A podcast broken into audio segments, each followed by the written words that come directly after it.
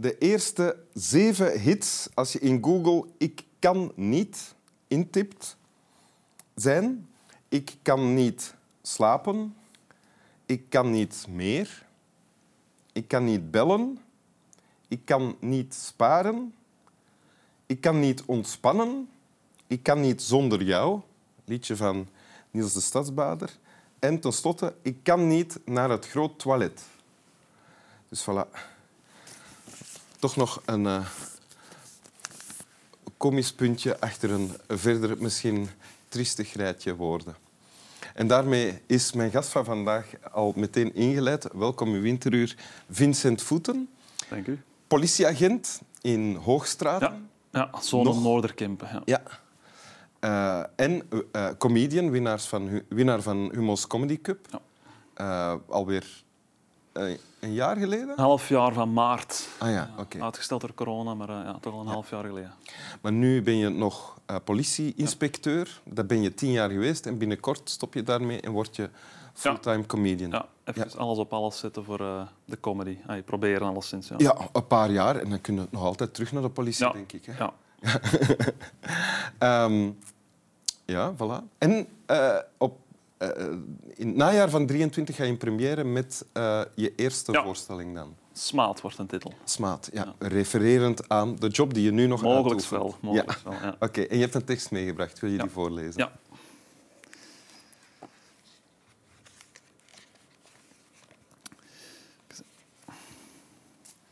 Door mijn pijnlijke voet ging er bij iedere stap een siddering door me heen.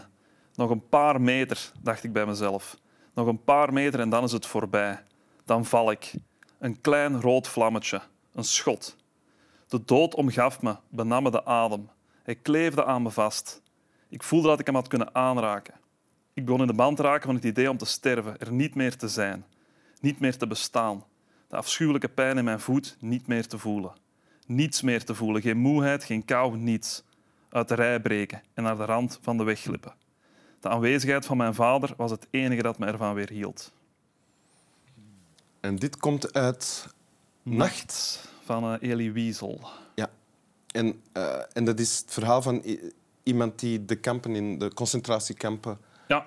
heeft overleefd. Ja. Elie Wiesel zelf is als uh, denk 16-jarige gedeporteerd, eerst naar Auschwitz en later naar Buchenwald. En dan heeft hij daar een boek over geschreven. Aanvankelijk was dat een heel dik boek, maar dan met de vertaling is het eigenlijk alsmaar beknopter en beknopter geworden totdat de essentie overschoot. En nu is het ja, ja. 120 pagina's, denk ik. En wanneer heb je dit voor het eerst gelezen, weet je dat nog? Um, dat moet toen ik in het vijfde of zesde middelbaar zat of zo. Uh, tijdens de les godsdienst is er een fragment van gepasseerd. Ik denk het bekendste fragment van dat jongetje dat aan, aan de galg wordt opgehangen. En dat iemand roept, uh, waar is God? Uh, hij, daar hangt hem aan de galg. Um, dat fragment werd met de les godsdienst besproken. En ja, dan ben ik in de bibliotheek de rest gaan halen van het boek. Ja. En dan heb ik het voor de eerste keer gelezen. Ondertussen misschien al, al vijf, zes keer herlezen ook. Ja. Dus uh, ja. Oké, en wat gebeurt er in het stuk dat je hebt voorgelezen? Uh, dat zit eigenlijk op het einde van een boek. Dat is, dat, uh, dat is op het einde van de oorlog. Ehm, dat is dat de, de, de Sovjets dichterbij komen bij, bij Auschwitz.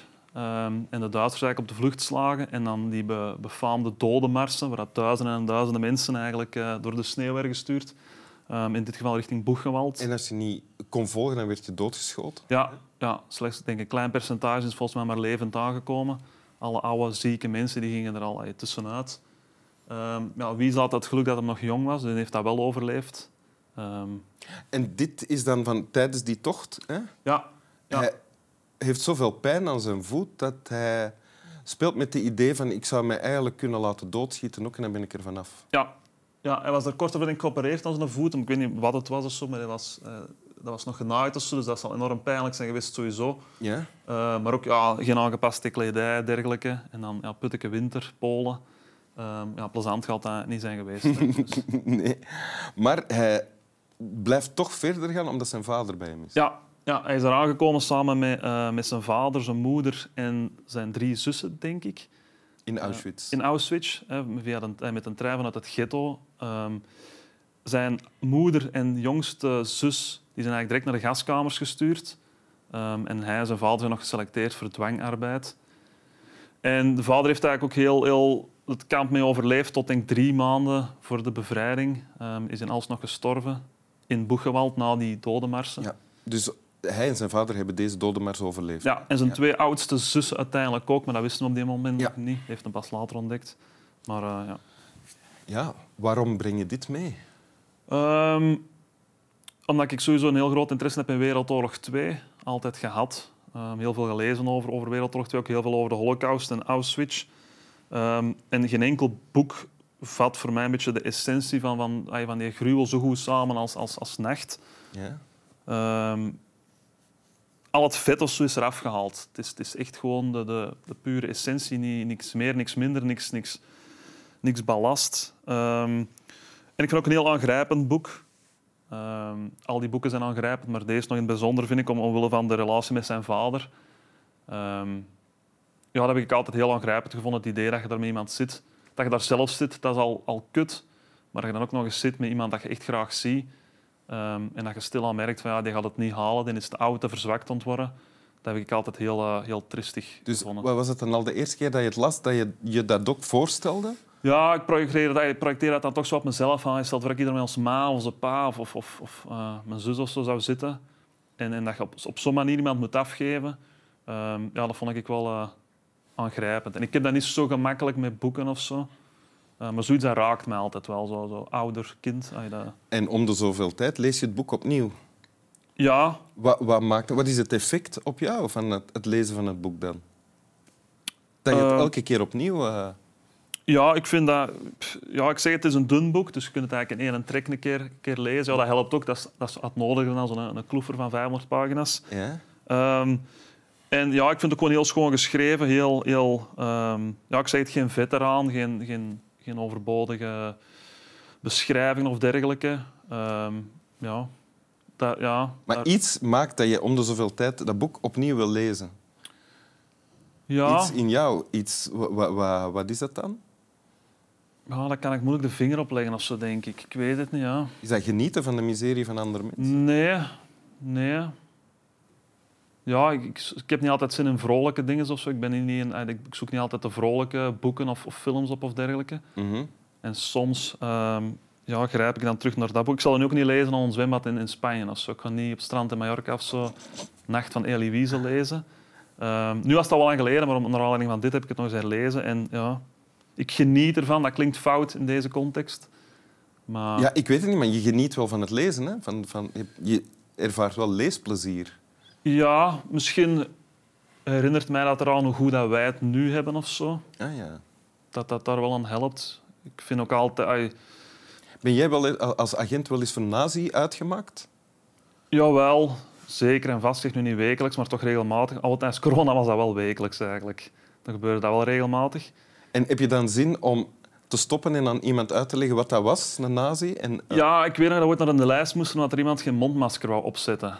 En ze hadden dan gebeld, wij daar naartoe. En die dame zei van ja, maar dat, zo is de holocaust ook begonnen. En ik zei wel, ja, tussen een mondmasker opzetten in de lijst of de holocaust, daar gaat nog wel een klein kloofje tussen of zo. En en als je toen dat boek bij had gehad, dan Had ik het, misschien eh, graag willen beginnen voorlezen. ja, had ik mevrouw een kopie overhandigd. ja.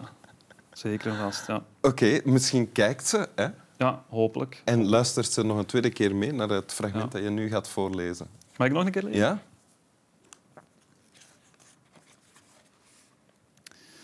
Door mijn pijnlijke voet ging er bij iedere stap een siddering door me heen. Nog een paar meter, dacht ik bij mezelf. Nog een paar meter en dan is het voorbij. Dan val ik. Een klein rood vlammetje. Een schot. De dood omgaf me, benam me de adem. Hij kleefde aan me vast. Ik voelde dat ik hem had kunnen aanraken. Ik begon in de band te raken van het idee om te sterven, er niet meer te zijn, niet meer te bestaan. De afschuwelijke pijn in mijn voet niet meer te voelen. Niets meer te voelen, geen moeheid, geen kou, niets. Uit de rij breken en naar de rand van de weg glippen. De aanwezigheid van mijn vader was het enige dat me ervan weerhield. Dank u. Dank u wel. Slap wel.